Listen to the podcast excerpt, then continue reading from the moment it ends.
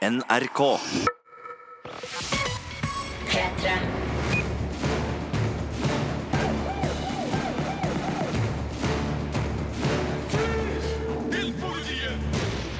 Det er klart for en ny fantastisk podkast fra oss i Filmpolitiet. Og vi, det er Marte Hedenstad. Sigurd Vik. og Birger Vestmo. Og vi har sett eh, så å si all av de åtte premierefilmene som har eh, hatt premiere nå på fredag. Og eh, du, Marte, har sett en av de norske. Ja, jeg har nemlig sett Kurt Josef og mordmysteriet på Hurtigruta. Har du glemt etternavnet til Kurt Josef Ja, her? jeg Vagle, Kurt Josef Vagle og mordmysteriet på Hurtigruta. Men det er en av de veldig lang lengste- ja, veldig lang tittel. Eh, og det er, det er mange andre lange ting eh, i denne filmen også, blant annet en veldig lang kuk. Ja, for det er vel noe av det groveste norsk film har å by på om om dagen. Ja, det er det absolutt. Eh, Sigurd, du har sett en film som er kun et etternavn.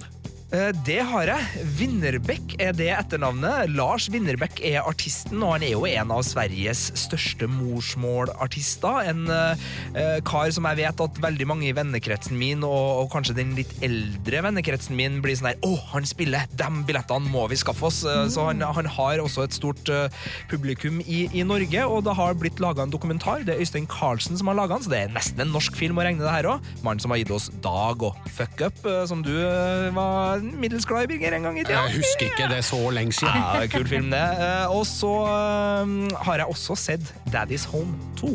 Med Will Ferrell og Mark Wahlberg og Mel Gibson. Veldig. ikke minst Mel Gibson. Jeg har sett eh, den andre norske premierefilmen denne uka, som heter Hjemsøkt. Grøsser med Synnøve Makodi Lund i hovedrollen. Jeg har sett The Killing of a Sacred Deer med Colin Farrell og Nicole Kidman. Og jeg har sett den eh, chilenske filmen Neruda, som handler om eh, forfatteren Pablo Neruda og hans flukt fra landets myndigheter da det kommunistiske partiet han var medlem av, ble forbudt i 1940-åra. I tillegg skal jeg anbefale et par gode filmrelaterte dokumentarer som nå er ute på henholdsvis HBO og Netflix, nemlig Spielberg og Jim and Andy The Great Beyond. Og så skal vi jo gå gjennom de norske seriene som kommer framover, fordi Norsk Filminstitutt har sluppet en bøtte med penger på norsk serieproduksjon. Det har resultert i at vi nå vet mer om seks norske dramaserier som kommer framover. Men først skal vi til den norske premierefilmen Hjemsøkt. Filmpolitiet anmelder film.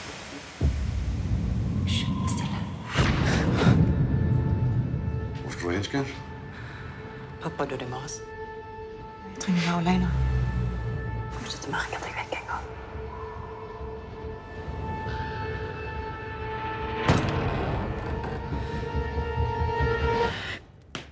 Hjemsøkt er en grøsser, en norsk grøsser, og det tar vi gjerne imot her i eh, Filmpolitiet. Synnøve Makodi Lund spiller hovedrollen som ei eh, dame som drar til Gran på Hadeland for å selge unna farens gamle hus. Eh, Det viser seg at det skjer eh, mystiske ting i det her huset, og eh, hun oppdager noen familiehemmeligheter som kaster nytt lys over fortida. Og vel, eh, kvinne ensom i stort hus, det føler jeg at jeg har sett på film før. Du er inne på noe, det, det kjennes som en slags sånn standardoppskrift, vil jeg nesten si, for skrekkfilm. Spesielt sånn påskeskrekk og sånn, det, det er perfekt for det her. Ja, ja, altså, men altså, sånn hjemsøkte hus er jo noe av det mest skremmende som fins. Altså, det må jo være skumle greier, det her. Ja, det er mm, i hvert fall en generell eh, ekkel atmosfære over eh, filmen. Altså, det er veldig mye skremming som foregår her, som kanskje ikke hører hjem, da. Eh, og hvordan skal jeg forklare det på en, en måte? Du, du skriver at lyddesigneren har gått amok eh, i anmeldelsen din. Er er vi Altså, inne på noe der? Filmen roper bø eh, hvert femte minutt, litt sånn oppskriftsmessig, og det er den type skremming som ikke virker naturlig da, i konteksten, og i de omstendighetene som hovedfiguren befinner seg i. Og da er det spesielt lyddesignet som eh, slår til, med lyder som ikke virker å høre heim der ute på den norske landsbygda. Altså, Lyden er skrudd til veldig aggressivt, og det er god lydkvalitet og sånn, men det, det høres ikke ut som lyd som hører til akkurat de omgivelsene som historien hører heim i. Jeg er jo sånn at jumpscares tar meg uansett, men er du en sånn Mm. kinogjenger som trenger at det skal oppleves noenlunde naturlig? Hvis ikke, så bare flirer du av Ja, det? jeg øh, hadde foretrukket litt mer sånn den krypende uhyggen som kommer snikende inn på deg og bygger opp og bygger opp og bygger opp, istedenfor at det er Bø! Rolig, rolig, rolig. Bø!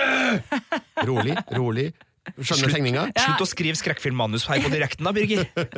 Eh, jeg liker jo for så vidt filmens eh, uttrykk. Den er nydelig fotografert. Eh, og jeg syns Synnøve Mokodi Lund spiller godt. Hun gjør en bedre rolle her enn jeg har sett hun i på film tidligere, så den har absolutt noe for seg.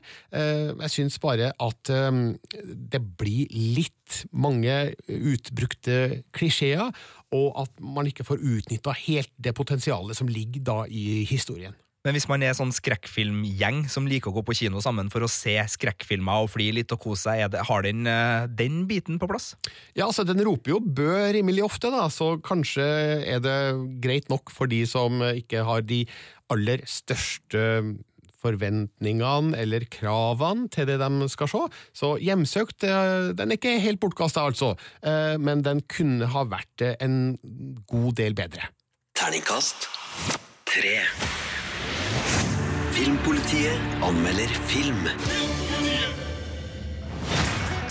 Hey guys, we got a big surprise for you. Oh, is it money? A trampoline? Another pony? This year, Christmas, both families together. Yay! Hello? Grandpa Kurt?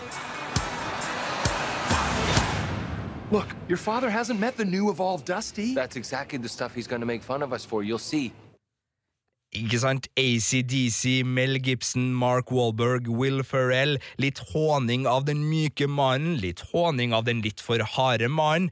Hva annet liker mannfolk på kino, hæ?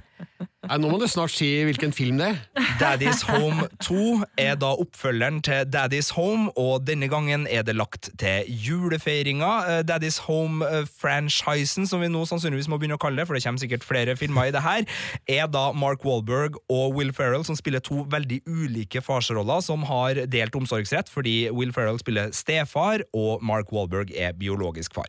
De brukte film 1 eh, ut fra trailer og beskrivelse til å være veldig ulik, og så finne hverandre. Eh, Denne gangen er plottvisten at besteforeldrene, altså begge fedrene, kommer på besøk. Du, jeg, og, ja, okay. jeg må stoppe deg. Altså, Jeg har jo akkurat sett bare for litt siden Bad Moms Christmas. Eh, og det her er, det handler jo om akkurat det samme! Akkurat det samme, Bare at det er det mødrene som kommer hjem vet, til jul. Det virker som det er en hemmelig avtale mellom uh, de to franchisene, altså Bad Moms på den ene sida og Ja. Daddy's Home på den andre sida, om at vi skal ta hver vår kjønnsrolle Ja. og leke litt med det. Her er det jo, altså Alle mødrene i denne filmen er liksom henvist til sånn en replikk her og en replikk der, og er veldig mye på kjøkkenet, så det er jo øh, stas. Og i det hele tatt, det er bare sånn der familievennlig håning av det som er helt sånn opplagte stereotypier rundt de ulike maskuline verdier. da. De kunne jo gått og prøvd å liksom funne ut det litt sånn vonde og såre i en eh, moderne bonusfamilie, men det driter de en lang en i. De går bare for superenkel Will Ferrell og Mel Gibson-type humor, som vi har sett 100 ganger før, og det er ikke en overdrivelse å si at ingen av skuespillerne er i nærheten av sine toppnivå her. Hvis man er fans da av disse gamle kara, får man det man er ute etter? Man får litt av det man er ute etter. Du skal være veldig glad i de ulike Altså, hovedpersonene altså, her. Tenk bare Mel Gibson eh, i What Women Want. Han hadde komisk timing! Det var dritbra! Han var kjempemorsom! Vet du hva jeg tenkte på når jeg så uh, Daddy's Home 2? Hvor mye jeg savna Arnold Schwarzenegger i Jingle Bells, og hvor mye bedre julekomedie det var enn det her. Nei, Mel Gibson har ingenting i en julekomedie å gjøre, egentlig. Altså. Han er den barske, han går aldri ut av den rollefiguren, og han er på grensa til mannssjåvinistisk. Det er nesten vondt å se han innimellom, og manuset gir han jo ingen motstand eller noen muligheter til, til å gjøre noe ut av seg sjøl. Det, nei, det er, altså, det er helt greit, fordi Will Ferrell er aldri veldig kjedelig, så jeg klarer å fly litt, og det blir litt lunt og sånn, men og det er jo ikke historie engang, det er jo bare sketsjer. Sketsj på sketsj på sketsj. Eh, Konservativ eh, humor? Uh, ja Altså humor for konservative amerikanere? Ja, det er det, for det er selvfølgelig en jaktscene her hvor barn lærer å skyte, så helt riktig, Birger. Terningkast tre.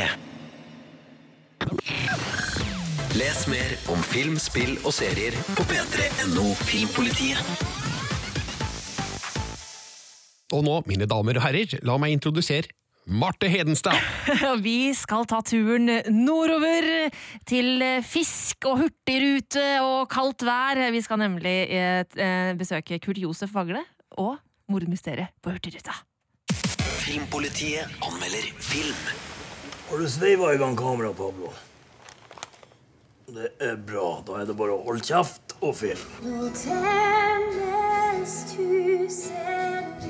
Søte satan, det der er faen meg Marion Ravn. Det er første gang jeg ser henne utenom på en skjerm med masse runkepapir ved siden av meg. Jaha! Dette her er en trivelig julefilm. Eh, Det er jo da eh, Tommy Wirkola og Stig Frode Henriksen som har kommet med oppfølgeren eh, til Kurt Josef Vagle og Legenden om fjordheksa, som kom i 2010. Eh, Og det var jo en film som mm, ikke fikk så veldig gode kritikker sånn av folk som oss, men som gjorde veldig bra sånn blant publikum. Um, og nå er det da eh, Kurt Josef og kompisen hans Rock som er på nye eventyr. Rock har nemlig fått uh, en gig på Hurtigruta uh, om å synge julesanger. Uh, og så er jo da Kurt Josef er hans man manager, som han kaller det. Og så skjer det da et lite uhell. Det er en, et mystisk dødsfall. Marion Ravn får mikrofonen stappa ned i halsen. eh, Og hva er det som har skjedd? Jo, det skal Kurt Josef finne ut av. Og vi har skjønt av anmeldelsen din som ligger ute på p3.no at eh, det kanskje ikke er helt din type film det her, Marte? Nei, altså jeg, eh, jeg syns grov humor er morsomt, eh, og jeg koser meg ofte med kukevitser kukvitser og alt mye sånt der. Jeg koser meg ofte med det, sånn i hverdagen. Men eh, eh, jeg er av den oppfatning at ting er ikke morsomt bare fordi det er grovt. Det må på en måte må være noe mer enn bare grovhet for grovhetens skyld. Sånn at jeg, jeg ler ikke hysterisk når på en måte 30 sekunder inn i filmen så dukker det opp en kjempelang kuk på, på, på lerretet. Bare at det er en lang kuk, det syns ikke jeg er så morsomt. Eh, jeg har jo sett det i eh, South Park-skaperne sin film Basketball. Det var en kjempelang kuk, den var kjempemorsom. Eh, Marte Henstad, er du litt prippen her nå? Altså, er du litt sånn finkulturell, og er det bare at det ikke er din humor? Altså, eh, hva, hva? Altså, eh, det er jo helt klart eh, folk Det er jo noen folk sin humor der, og jeg tipper at den filmen her har absolutt sitt publikum som kommer til å hylflire i kinosalen. Men, men altså Ja, det her er jo en tulledokumentar, eh, og det er, det er en veldig åpenbar parodi, og det skal på en måte være litt dårlig, men jeg syns ikke at det er så dårlig at det er bra, hvis dere skjønner. Eh, det er jo en egen greie. Eh, det blir liksom ikke Nei, det, det er ikke bra nok, da. Og um, bare, bare fordi at Marion banner heftig, så er jo det litt artig, men det er liksom ikke Sorry, altså, to svære dildoer som kors er ikke sykt funny for meg. Du ler! Ja, altså, Er det grovt nok? Altså, det groveste jeg kan eh, Jo, sånn det er kjempegrovt. kuse, Jo, nei, nei, det er Altså, er det? supergrovt. Det er dritgrovt. Det er liksom uh, bæsj, bæsjing i kjeften, og liksom Det er, det er der, da. Så, og spy og nekrofili og Det er, det er alt! Alt det- over en herlig Så blanding. Vi ser gjerne for oss at Kurt Josef Vagle og mordmysteriet på Hurtigruta er noens type Ja, humor. det tror jeg absolutt at den er. eh, Og jeg tipper at det er eh, mange som kommer til å hylflire i kinosalen eh, når de ser den filmen her, men det gjorde ikke jeg. Terningkast to.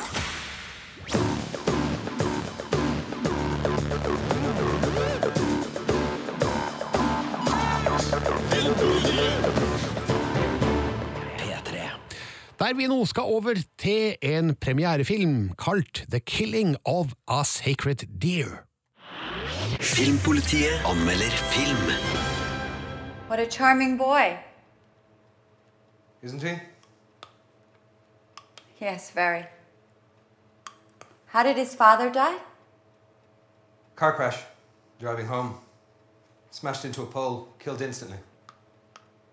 How long have you known him? Quite some time. He was a patient of mine years ago. Her hørte vi Nicole Kidman og Colin Farrell som spiller hovedrollene i The Killing of a Sacred Deer. Den andre filmen de spiller sammen i i år, for de eh, gjorde det samme i eh, Sofia Coppolas eh, The Beguiled, som gikk på kino litt tidligere i høst. Her spiller de da et ektepar som blir stilt overfor et umulig valg. Farrell spiller en hjertekirurg som har et, skal vi kalle det et hemmelig vennskap med en 16 år gammel gutt, spilt av Perry, nei, Barry Keegan. Og det vennskapet tar en vending.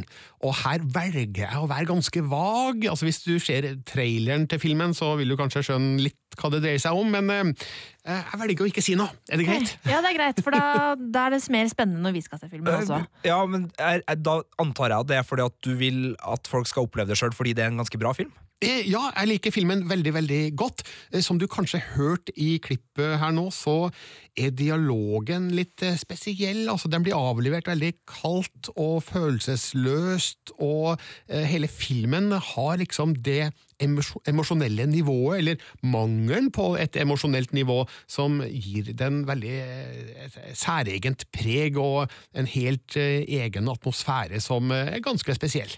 Hmm. Jeg, for å være- jeg, jeg, ve- jeg veit at, at filmen er basert på en gresk tragedie, men eh, da eh, jeg hørte dette klippet, så følte jeg at jeg var på eh, altså sånn moderne teater. Litt grann. Jeg følte at det var litt sånn typisk sånn at to stykker står alene på en scene og så har en sånn dialog. Ja, Du må gjerne kalle det teatralsk, eh, for det er det jo til en viss grad også.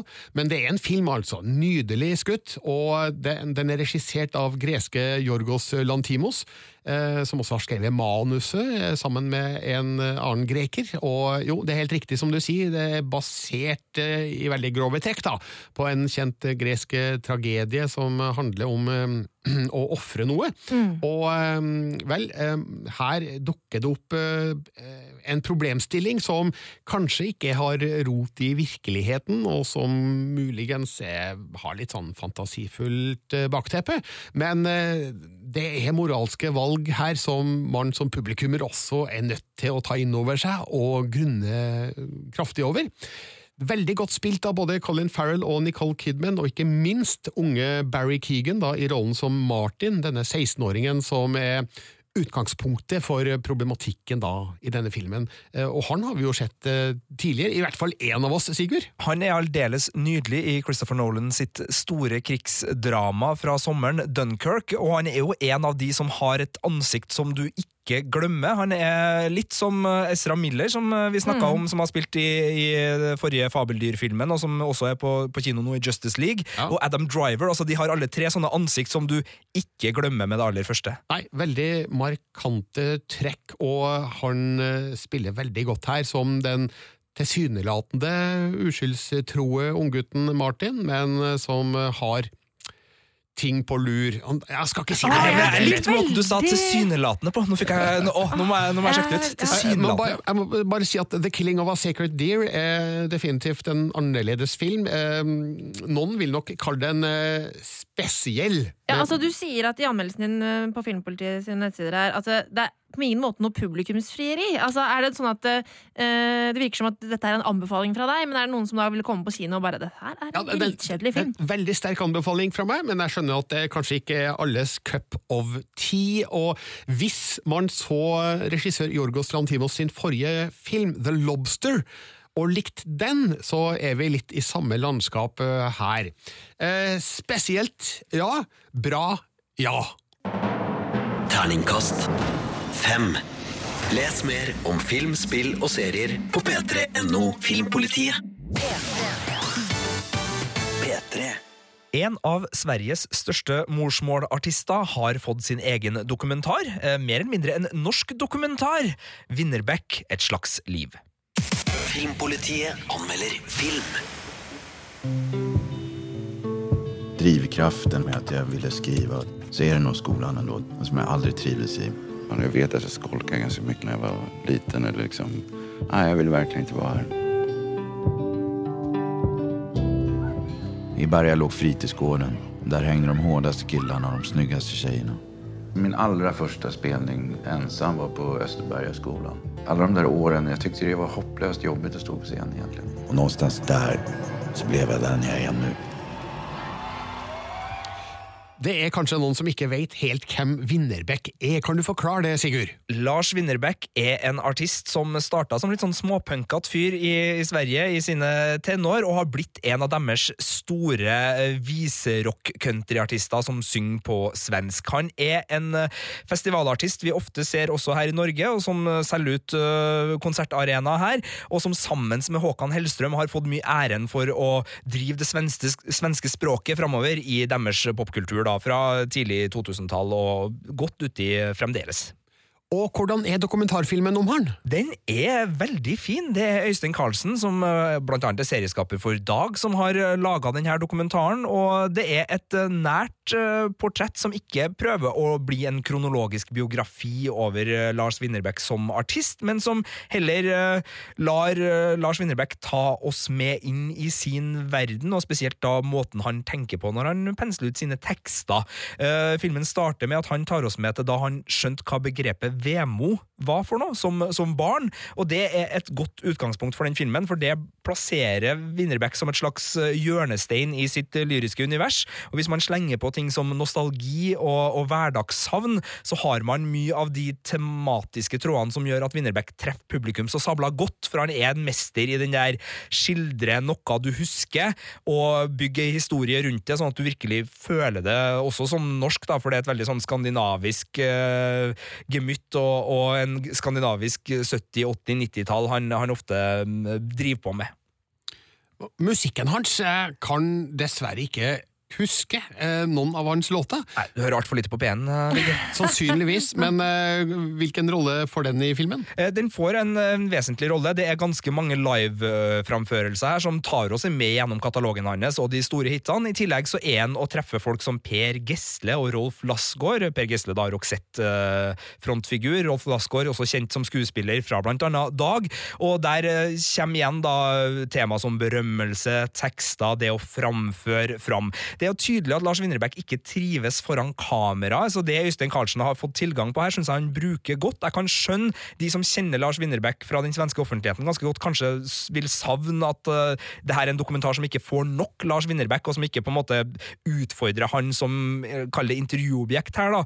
Men for meg som uh, er glad i artisten, og som bare vil lære mer om artisten, så er det her en veldig god dokumentar som er raus på det jeg vil si er kunstnersjelen. Altså, den gir oss veldig mye av Winnerbäck som artist. Men, altså, vi sitter jo og prater en del på kontoret oppe i, i løpet av uka, Sigurd. Og så, da du hadde sett denne filmen, så var det veldig sånn Å, du var veldig positiv og syntes at det var veldig sånn fint portrett av han og sånn, men så hadde du òg litt sånn derre Men det filmatiske som dokumentar, at du var litt sånn derre kritisk på den fronten? Ja, lite grann. Det går litt på det at Winnerbäck i perioder i hvert fall tydelig ikke har latt seg intervjue om det samme temaet over tid. Det virker i hvert fall sånn, for det er litt sånn klipt imellom og litt sånn limt sammen av bruddstykker. Han er også gift med den norske skuespillerinna Agnes Kittelsen. Hun filmer noen hjemmeopptak med mobilen som blir med inn i det her. Han filmes litt i bilen. Han sitter og leser høyt av liksom skrevne tekster og tar oss med gjennom nypebusker og barndom og sånn, så det er en ganske fragmentert stilistisk film, og spesielt de sekvensene med Melissa Horn og Per Gesle, der man sitter og prater med dem i samtaler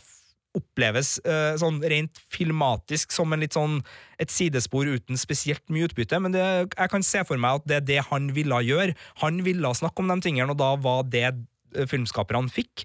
Eh, og man kan selvfølgelig da ta det utgangspunktet at uh, da har ikke filmskaperne gjort jobben sin godt nok, men det er ikke jeg enig i en sånn her film. Jeg tenker at det han er villig til å by på, blir den dokumentaren vi får. Og jeg syns det er behandla på en veldig uh, fin måte av Øystein Carlsen, og presentert på en måte som jeg gjorde at jeg ble absolutt ikke mindre glad i Lars Winnerbäck av denne dokumentaren. Terningkast fem. Filmpolitiet. Så skal vi over til den chilenske filmen Neruda. Filmpolitiet anmelder film. Han pasado solo tres años desde el fin de la Segunda Guerra Mundial y aquí está a punto de empezar una persecución fabulosa. Con ustedes, el poeta Pablo Neruda. Puedo escribir los versos más tristes esta noche. Dicen que Neruda es el comunista más importante del mundo. Soy perseguido en el último sitio del mundo donde yo hubiese querido que eso ocurriera, aquí en Chile. Muy buenas tardes, señor presidente. ¿Conoce usted a Neruda? Neruda handler om den chilenske forfatteren Pablo Neruda, og ikke spør meg om hans forfatterskap, Sigurd og Marte, fordi det har jeg litt mindre oversikt over, men jeg kan litt mer da om eh, personen eh, Neruda etter å ha sett Pablo Larains film om han. Skjønt, det er ikke en eh, biografisk eller dokumentarisk film det her, men det er en fiksjonsfilm basert på visse historiske fakta, men eh, her har nok eh, Pablo Larain dikta ganske mye omkring eh, figuren og personligheten Pablo Neruda. Det startet da i 1948, når det kommunistiske partiet som Neruda er medlem av, blir forbudt i Chile. Og han blir rett og slett eh, forsøkt arrestert. Det blir utstedt en arrestordre på han, og han må eh, legge ut på rømmen i sitt eget eh, land ved hjelp av eh, en un kommunistisk undergrunnsbevegelse. Og vi møter også da en politimann eh, kalt Pellochonot, spilt av Gael Garcia Bernal. Eh, kjent mann fra flere filmer, eh, Om mora di også. Om mora di også. Det er så klar nå Om For det er artig å si, vet du. Om mora di også. Og mora di også. Eh, og eh, etter hvert i denne filmen så eh, blir Pelusjonot-figuren utsatt for et filmatisk grep som kan slå begge veier for kinopublikum. Jeg vil ikke si helt hva det er for noe, men du kan si at realismen forlates på en eller annen måte her, da.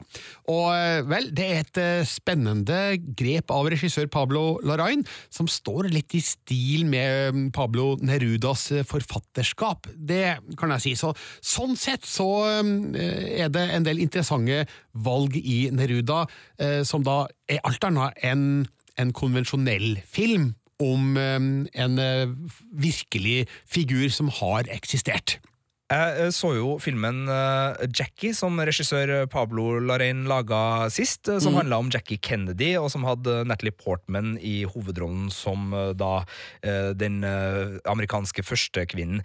Det var en film jeg både likte og syns var litt sånn eh, på grensen til kjedelig og, og rotete. Uh, mye fordi uh, Lerain fokuserte veldig på det estetiske, og på tonen har jeg fått Natalie Portman til å bli Jackie Kennedy i veldig aksent, og det var veldig sånn tydelig at han har gått for en opplevelse av henne på fasade og i uttrykk, men i dybde så hadde den filmen veldig lite å gi meg, og den var også litt rotete i måten den brukte noen samtaler som sånn overhengende dramaturgiske grep, eh, som er stilig, men som ga veldig lite til opplevelsen min av hennes historie. Så jeg, så jeg, så jeg som en der, du er god på form, men pokker ta, eh, du får ikke meg til å føle noe mye. Eh, Hvordan er den, for det virker jo som jeg leker med form også denne gangen. Ja, det er egentlig veldig likt eh, det du beskriver nå med Jackie, som jeg ikke har sett og kan dermed ikke- sammenligne, men det virker veldig likt da med slik eh, Neruda blir fortalt. For det er ikke en eh, A4-historie som skal fra et sted til et annet. Den springer veldig i eh, situasjoner, i stemninger og i måten disse figurene fremstår på, og den er nok ut etter å vekke følelser i deg, men ikke nødvendigvis holde deg i hånda fram mot det målet. Det er, det er en, en interessant måte å lage film på det her, som eh, ikke så veldig mange andre gjør, og spesielt på det formessige. Så det så jeg også i Pablo Larrains eh, forrige film som gikk på kino i Norge, kanskje da før Jackie, eh, som het El Club, som handla om en gjeng munker på eh, den eh, chilenske kysten, eller var det den argentinske, jeg husker ikke i farta her nå, men eh, eh, et billedspråk eh, prega av eh, mye motlys og blasse, utvaska farger, og det er liksom ikke sånn film skal se ut. Eh, tenker jeg, og kanskje er det Pablo Lorains måte å få oss litt ut av balanse på, da, ved å lage film på en litt annen måte enn det vi er vant til å se. Eh, De som kjenner Pablo Neruda fra før, vil jo selvfølgelig legge merke til at noen av hans mer kjente verk blir sitert og av og til framført i denne filmen, men når du ser filmen og ikke kjenner Neruda fra før, så virker det ikke helt som at denne figuren, veldig godt spilt av Louis Necco, innehar de poetiske og lyriske kvalitetene som kanskje skal til, da, for han fremstår som en litt sånn pompøs, uh, sjølopptatt uh, fyr, uh, som uh, kan være veldig enkel og uh, simpel i et øyeblikk, samtidig som han i det neste øyeblikk fremfører ekte, dyp poesi som, som virkelig er flott. Men eh, vel, det er vel slike, slike motsetninger som gjør filmen eh, interessant, og eh, jeg skjønner at det ikke er en film for alle, men for de som liker Pablo Larains tidligere filmer, og som kanskje har et forhold til Neruda fra før, så er denne filmen absolutt verdt en titt. Terningkast fire. Da har vi vært igjennom fem av ukas premierefilmer, men eh, vi har anmeldelse av to til på P3NO Filmpolitiet, nemlig eh, barnefilmene Stjernen og Jul i Mummidalen. Filmpolitiet.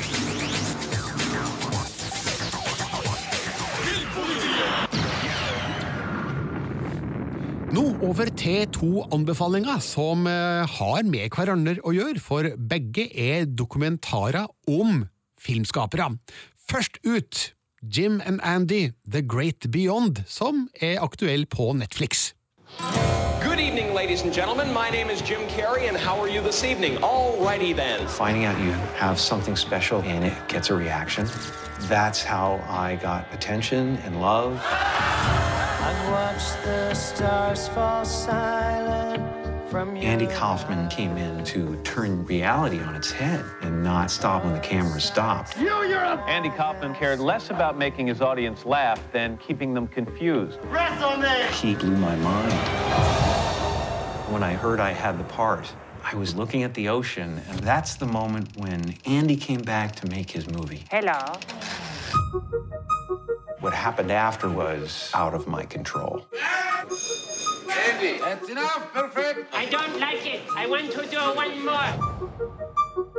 Andy felt it was necessary to stay in the character. He's exactly the way Andy was. It's totally surreal. And this crazy melodrama started happening all over the place. Her hørte vi Jim Carrey, fordi det er han som er sentral i dokumentaren Jim and Andy The Great Beyond, og det handler spesifikt om eh, hans innspilling av filmen Man on the Moon fra 1999, der han spilte komikeren Andy Kaufman.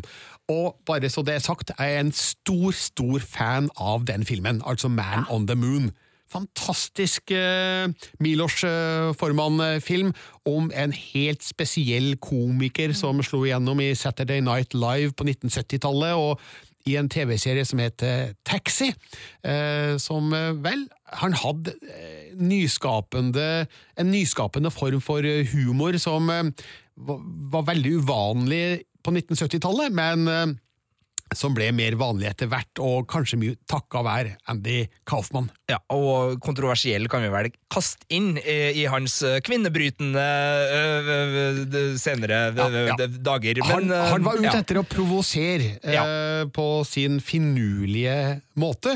Og eh, Jim and Andy The Great Beyond viser hvordan Jim Carrey virkelig gikk inn eh, i rollen, eh, fordi, som vi ser i filmen, han er da såkalt in character under hele innspillinga. Altså ikke bare foran kamera, men også bak kamera. I kulissene, i pausene. eh, Når han snakker med eh, regissør Milos Formen og sine medskuespillere. Han er Andy Kaufman hele tida! Og et helvete å jobbe med! Ja, det, det som er så gull i denne eh, dokumentaren, er at du ser jo fortvilelsen i øynene til spesielt regissør Andy Kauf, nei, regissør Milos Forman, fordi han får jo ikke snakka med Jim Carrey. Eh, og det er en morsom eh, sekvens der eh, Jim Carrey fort forteller om eh, en gang han, eh, han ble bedt, eller Andy Kaufman ble bedt av Milos Forman på settet, om ikke Jim Carrey kunne ringe han. Hvorpå Jim Carrey ringer Milos Forman utpå kvelden for å slå av en eh, prat, og, og Forman klager over at det er vanskelig å samarbeide med Andy Kaufman på filmsettet. og Jim Carrey sier at ja, du kan jo sparke Andy Kaufman, og så kan jeg kanskje lage en, en, en imitasjon av han, men jeg vet ikke om det blir like bra. Og så, etter en tenkepause, så sier Milos Forman at eh, det er ok, vi, vi fortsetter som nå, jeg ville bare snakke med Jim Carrey.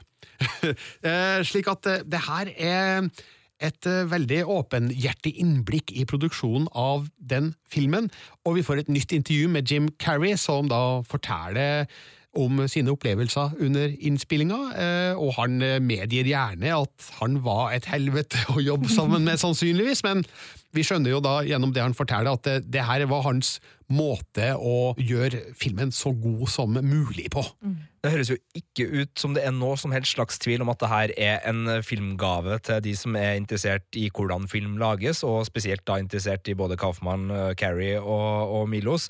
Mitt store spørsmål er jo selvfølgelig, eh, har REM fått lov til å bidra på soundtracket her på noe som helst vis? Ja, de er med, og vi ser også bilder fra innspillinga av eh, videoen til The Great Beyond, som R.E.M. da laga til denne filmen, og Jim Carrey han eh, gir uttrykk for eh, anger for at han ikke ble med i videoen som Andy Kaufman, eh, men som han forklarer det etter innspillinga, så han var så ferdig med å være Andy Kaufman at han gadd ikke rett og slett å bli Andy Kaufman en gang til, fordi vi ser i filmen veldig godt hvor mye det koster Jim Carrey å gå såpass opp i figuren som han gjorde.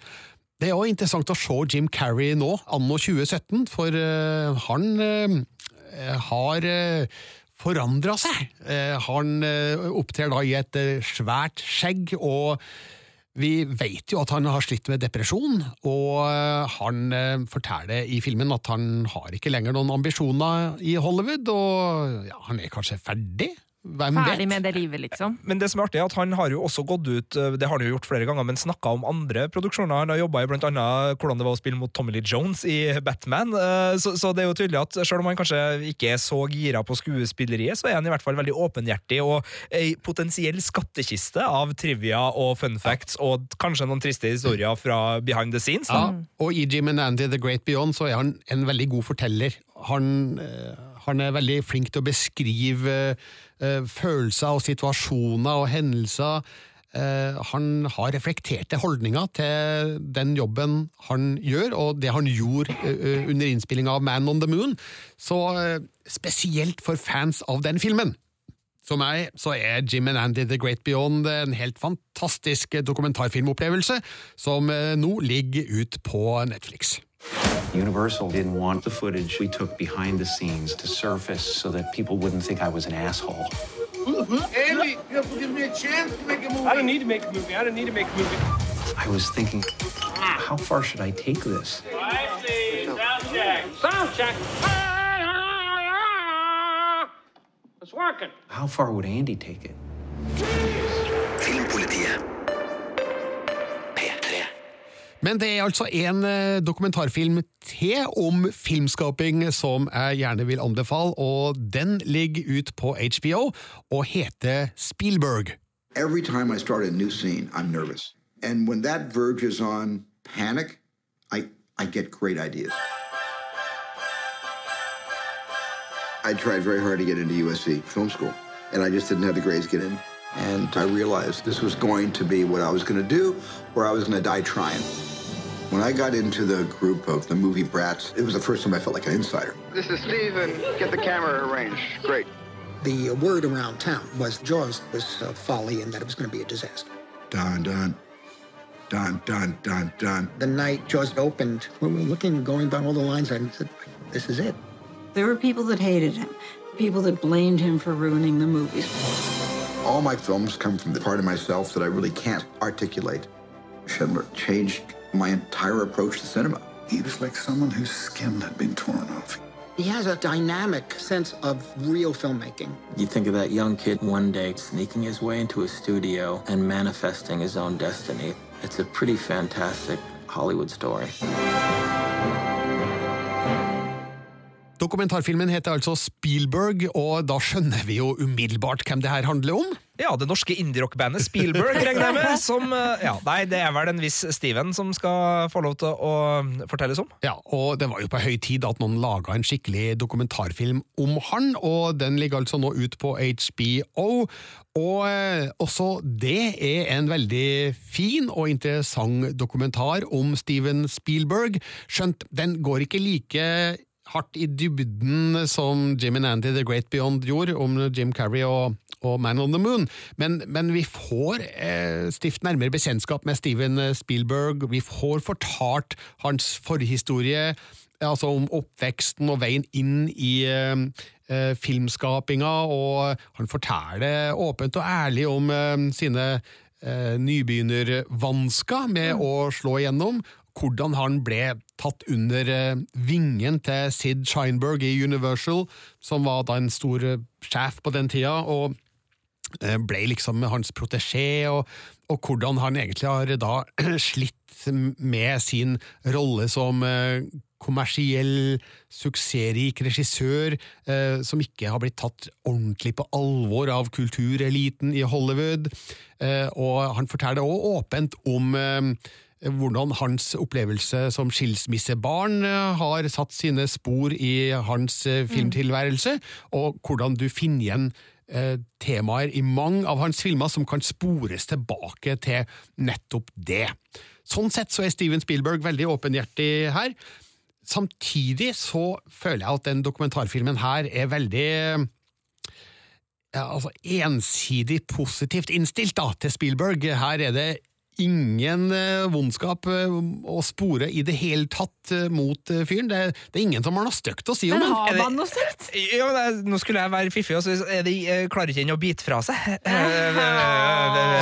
Eh, Nei, nei, det er jo det at han har jo en rolle tilsynelatende i Hollywood som altså, George Lucas har ikke den samme glansbildevarianten. Coppola har ikke den samme glansbildevarianten, og det har i hvert fall ikke en del av de andre 70-tallsregissørene, som Oliver Stone og for så vidt da også Å, nå står det stille på, på Carrie-fronten her, men De Palma. Brian De Palma. Eh, ja, de, de har alle liksom litt rufs i kantene, men Spielberg har bestandig vært den som bare har rusla gjennom det hele og vært forståelsesfull. Han har mm. laga dype, flotte filmer, han har gitt barnlig glede. Han kommer, som vi var inne på, det skilsmassebarnet. ja. som- Altså, hele Stranger Things-universet er jo mer eller mindre en hyllest til han og Stephen King sammen. så- Ja, og ja, fra altså, IT, ja. men, men eh, ja, så, og, da, og da er det jo Det er jo ikke rart kanskje at det ikke kommer noe mer, men man liker jo å tro at personer også har noe ved seg som, som er litt vondt eller vanskelig, men, Men men lærte du noe nytt? Ja, Fordi altså, det, her, det du snakka om nå, hørtes veldig sånn kjent ut. Er, var det noe nytt som du liksom Ja, altså, eh, vi, vi får jo også fortalt eh, hvordan han da i mange år eh, ikke har vedkjent seg å være jøde. Og det var jo eh, litt med Schindlers liste å gjøre i 1993. Det var det som satte i gang hele den her veien tilbake til jødedommen og forsone seg med hans eh, religiøse ståsted og den kulturen han kommer fra. Eh, Og det var jo litt fint å høre Steven Spielberg eh, snakke om. Det er ikke den mest personlige dokumentarfilmen. Han, han har et nivå der han ikke beveger seg under. Men vi, vi blir litt mer kjent med privatpersonen Steven Spielberg, også hans familieforhold. Han var jo gift med Amy Irving og fikk en sønn med hun på 1980-tallet, men så ble han sammen da med Kate Capshaw, som spilte i Indiana Jones and the Temple of Doom. Eh, og um, den overgangen eh, mellom der eh, tror jeg kanskje er litt sånn diffust fortalt, fordi så vidt jeg kan skjønne, så måtte jo Spielberg da ha møtt Kate Capshaw før han ble skilt fra Amy Irving, i og med at den de ble skilt i 1985. og de eh, spilte inn eh, Temple of Doom i 1983-84, men ok, greit, jeg er ikke så interessert i Steven Spielbergs privatliv, men jeg bare merker at eh, av og til så er filmen litt selektiv da, på akkurat hva den forteller om privatpersonen Spielberg. Vi er jo begge glad, Birger, i en podkast, i hvert fall så tror jeg det, som heter 80s at the Movies. Eh, 80s all over. Det er det, som tar for seg alle kinofilmene eh, som ble satt opp i USA, i de store byene, gjennom 80-tallet. Og der, eh, jeg mener å huske at det var der kom det jo en del artige trivia om Poltergeist. Eh, og der er det jo Det er jo en sånn film som det ryktes at Spielberg hadde mer enn en finger med i spillet på å lage, sjøl om det ikke er han som har regikreditten. Ja, nei, blir, den blir ikke nevnt i stor grad i denne dokumentaren, men faktum er jo at han skrev manuset, og han var produsent for Poltergeist, mens Toby Hooper, mannen bak Motorsagmassakren, hadde regien. Eller hadde han egentlig det? Ikke sant? Men er det noe sånn type trivia? Altså Lærer du mer, altså ikke om personen Spielberg, men, men er filmen raus med sånne trivia som vi syns er artig å, å gå til? Å ja, det var sånn det var! Å, gjorde det! Hæ?! Ja da, den eh, forteller jo eh, ting, eh, men det meste er nok kjent fra før. da, altså Hvordan f.eks. det skulle være mye mer hai i haisommer, men den mekaniske haien svikta, og dermed så måtte de bruke andre triks for å indikere at haien var til stede, som var kjempebra! Men slike, slike Ja, nemlig. Så det, det er slike ting da som dokumentaren Spielberg krydres med, og som gir oss litt økt forståelse for eh, hvordan hans rolle som filmskaper har vært. Eh, Men, men altså, de som kjenner Spielberg godt fra før, eh, det, er- det, ikke veldig mye nytt og sjokkerende her, men for de som likevel, kanskje liksom. har litt Ja, det er artig likevel, og for de som har et mer sånn casual forhold til Steven Spielberg, så er det mye nyttig informasjon her som forteller hva som har farga han som filmskaper. Så den er absolutt verdt å, å, å se. Det er to timer og 27 minutter, tror jeg, med herlig innhold om en av vår tids eh, største filmskapere. Så Spielberg ser du på HBO, mens eh, den før nevnte Jim and Andy, The Great Beyond, ligger altså ut på Netflix, og begge er absolutt anbefalt.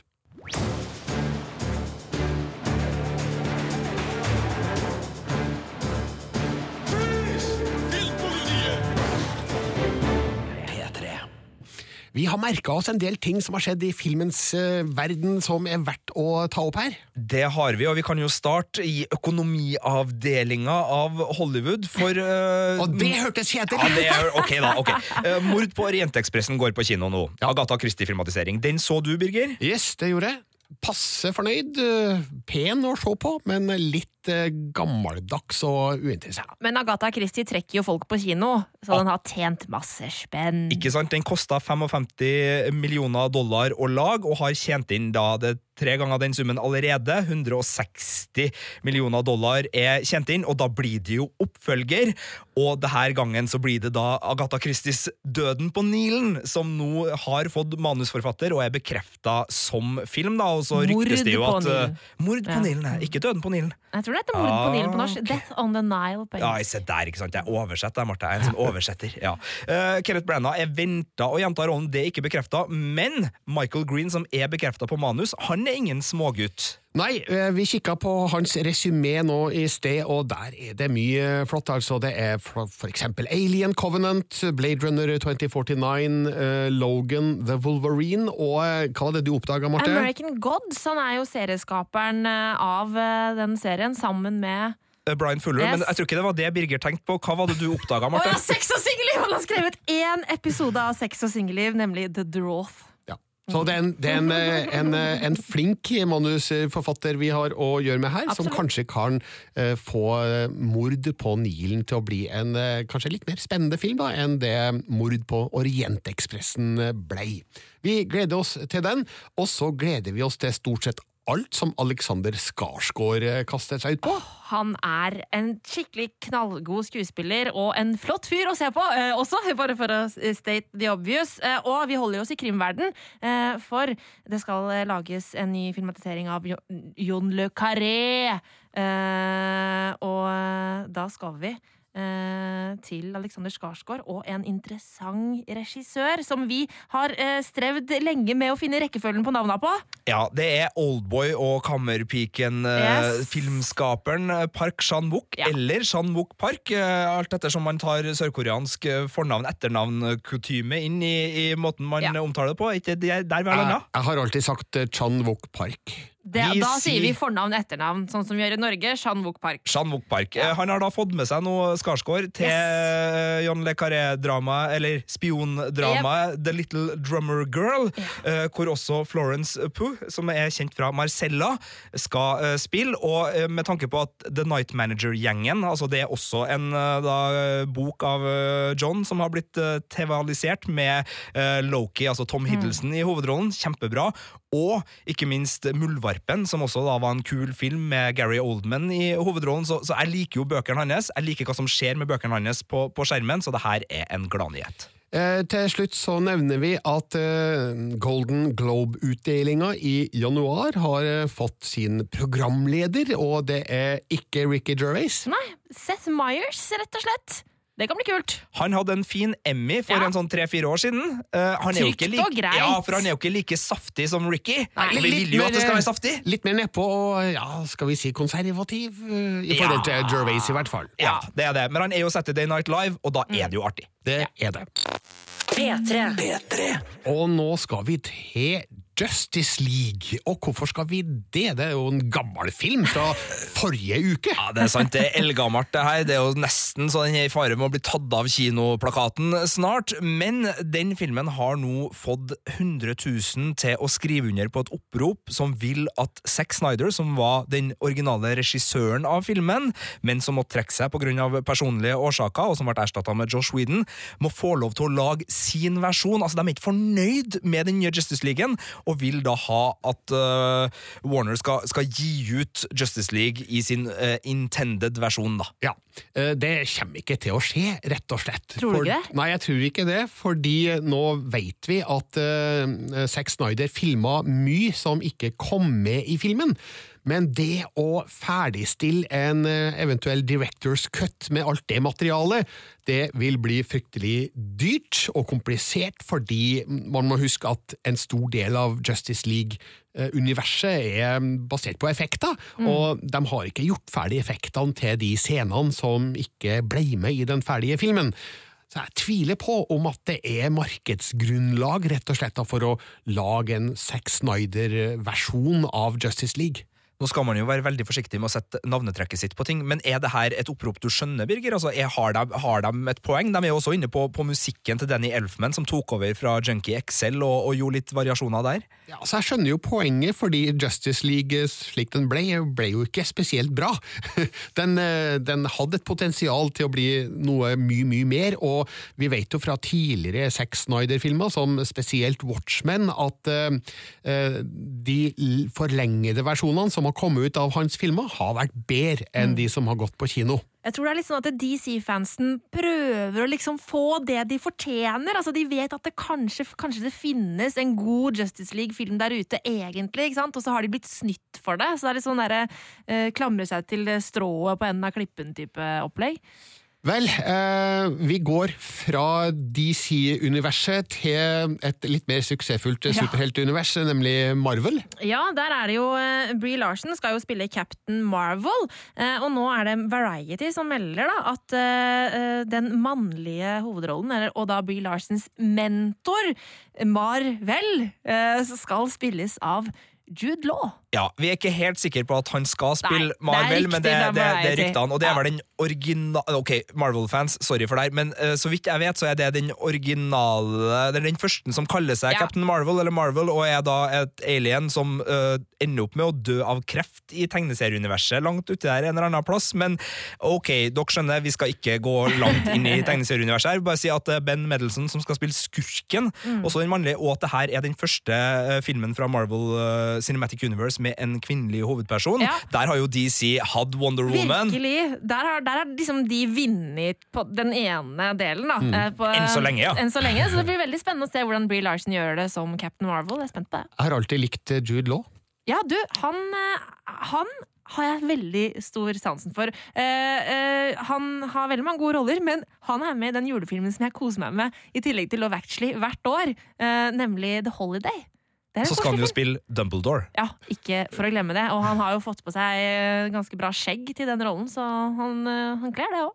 Helt til slutt så eh, skal vi innom et annet populært eh, filmatisk univers eh, som vi er innom hver uke her i Filmpolitiet. Jeg har vært innom tidligere i denne sendinga til og med, Birger. Det er også Star Wars. Ja, for hvem er det vi er mest nysgjerrig på i den nye Star Wars-trilogien? Jo, kanskje hvem foreldrene til Ray er, da. Men vi er også veldig nysgjerrig på hvem er det Snoke egentlig er.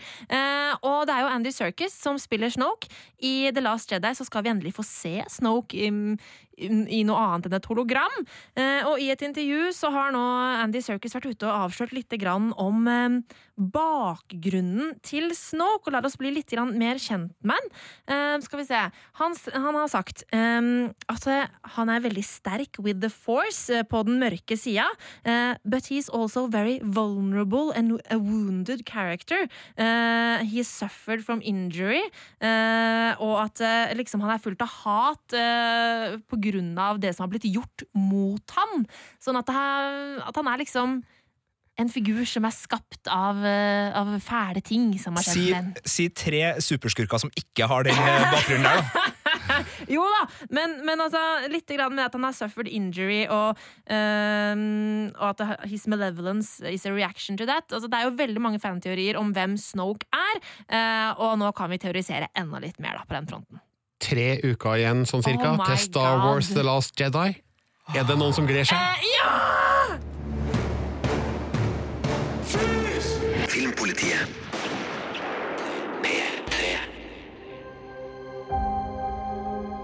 You wish to see me, sir? The Emperor is dead. So what happens now? We retaliate, Commander. EAs storspill Star Wars Battlefront 2 har vært ute i ei uke, men har vært omspunnet av eh, kontrovers. Og hvorfor det, Marte og Sigurd? Nei, det har jo vært eh, i forbindelse med eh, disse mikrotransaksjonene og buy to win og pay to win og lootboxer og et rent lite helvete. Og EA Dice måtte jo fjerne disse mikrotransaksjonene fra spillet sitt midlertidig. Og det handler altså om at man da egentlig skulle kunne betale for å komme videre i spillet. Ja, At man kunne betale for å åpne karakterer, man kunne betale for å åpne nytt utstyr, og da betale da for å åpne disse For å få disse loot-boksene, som man jo ikke vet hva inneholder før man åpner dem. Nei. Eh, Nå har det vært en utvikling denne uka, Sigurd. Det har det. Star Wars-spillsagaen har gått videre og har havna hos amerikanske politikere. For det er en eh, politiker fra Hawaii som heter Chris Lee, som denne uka har gått ut og advart mot denne type mikrotransaksjoner og sagt This game is a Star Wars-themed online casino designed to lure kids into spending money. It's a trap. Altså, jeg, Da han sa det, så håper jeg at Jeg håper at han er Star Wars-fan, og så bare lurte inn den lille referansen. It's a trap. uh, men det er jo, og han kaller det også da en predatory practice, Ja. så, så det har kommet da politisk eh, perspektiv på det her, som ser på hva gjør, altså, uh, hva gjør det her med spillavhengighet og økonomi for den spillmassen da, som har kjøpt spillet for, ja, i Norge da, 600 spenn, Mm. og begynner å bruke og bruke og bruke, og blir liksom lokka til å bruke mer og mer penger. Eh, Vi diskuterte jo det her eh, for en uke siden, og EA trakk jo tilbake hele mikrotransaksjon-delen av Battlefront 2. Yes, det gjorde de. eh, Og de har var det de lovte at de på en måte skulle se på hvordan de kunne liksom bygge et bedre system og sånn. Eh, Så de har jo ikke sagt at det aldri skal komme tilbake. De har vel nesten sagt at det skal komme tilbake, de har bare tatt en pause mens Eh, Ja, så vi eh, får stilner. se hvordan det går, men vi trenger jo ikke dra helt til Hawaii for å, for å få politisk eh, drama rundt eh, disse, dette temaet. Fordi det har jo vært ganske drama i Belgia den, denne uka her også. Det ble jo først meldt at det belgiske lotteritilsynet hadde sagt at lootboxer var eh, gambling, rett og slett. Eh, det var feil, da, men de, det er, de driver Fake og news. ser på saken eh, og har på en måte satt i gang en gransking av eh, hvordan eh, den type mikrotransaksjoner i spill eh, på en måte fungerer, da, eh, og om det ikke er så bra. Ja. Og så er det jo sånn at uh, andre også har fått med seg det her av spillkollegaer og våre polske venner i CD Projekt Red, som uh, har laga The Witcher-spillene, og som har Cyberpunk 2077 på trappene, som skal komme snart. De har da sagt at de skal ikke holde på med sånn, for de er ikke grådige. Så et lite stikk i siden der til uh, EA fra eh, CD Projekt Red. Og vi vil ha det her bort. Ja, jeg vil ha det, få det vekk. Vi vil ha det vi har betalt for, Mm. og ikke lures til å betale mer. Yes. Og nå skal vi over til TV-verdenen, Sigurd. Det skal vi, og vi skal starte med å si gratulerer, litt på etterskudd, men gratulerer til Mammon sesong 2, som vant internasjonal Emmy natt til tirsdag. Det er stort, altså.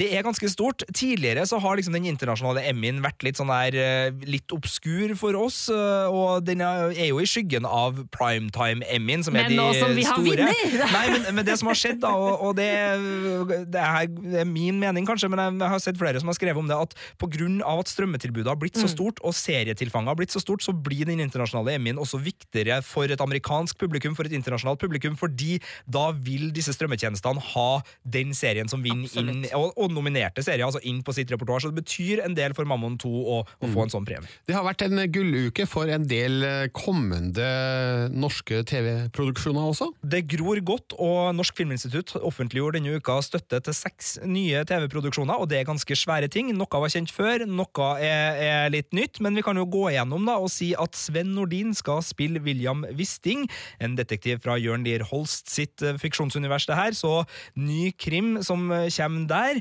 Eh, Det blir spennende, og så er det jo veldig spennende med serien Twin, som skal ha Kristoffer Hivju i rolle som tvillinger, der den ene tvillingen dør, og den andre tvillingen må dekke over det dødsfallet ved å være to plasser samtidig. Oi, oi, oi. Den gleder jeg meg til. Så har du Kvinner og Kava, som er en serie som skal handle om eh, tilværelsen til den 47 år gamle Merete, som eh, får, at, får det sånn at ungene flytter hjemmefra, og livet må fylles med ny mening. Og om Kvinner og Kava-tittelen skal henspille på noe, så virker det som det blir et lite Kava-liv, da, men der vet vi ikke så mye. Det lukter litt komedie, kanskje? Ja, det høres sånn ut. Gjør det. Og så har du De mistenkte, da, som er Kripos-etterforsker Stephanie, som kjemper for å løse en masselikvidering av en uvanlig sammensetning av mennesker.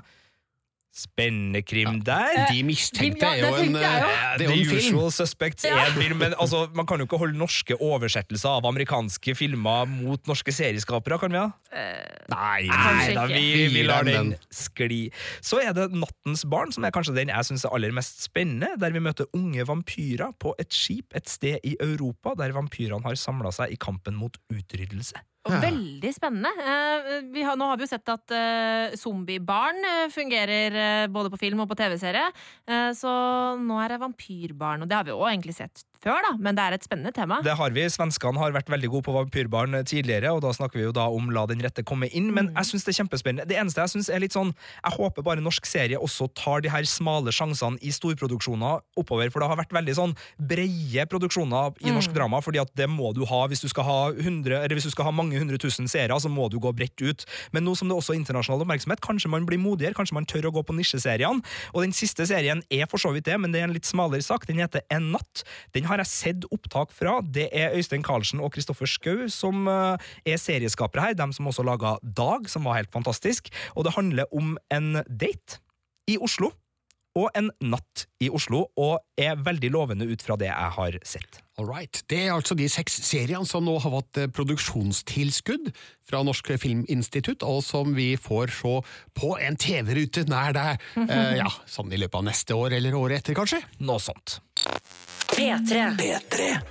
Da er denne podkasten fra Filmpolitiet over. Vi tar gjerne imot eh, skryt og ratings, og hvor gjør vi det? Og ris. Birger, vi tar også imot ris. vi tar bare Vi imot, tar imot ris. Bare ratings og skryt på um, iTunes eller der du henter dine podkaster fra. Eller på mail hvis det er noe du har lyst til at vi skal snakke om, eller har lyst til å komme med noen irettesettelser eller påpekninger, eller som Birger var inne på, ros, så er det bare å sende en e-post til filmpolitiet alfakrøll nrk.no, selvfølgelig. I studio i dag Marte Hedenstad. Sigurd Vik. og Birger Vestmo, takk for i dag.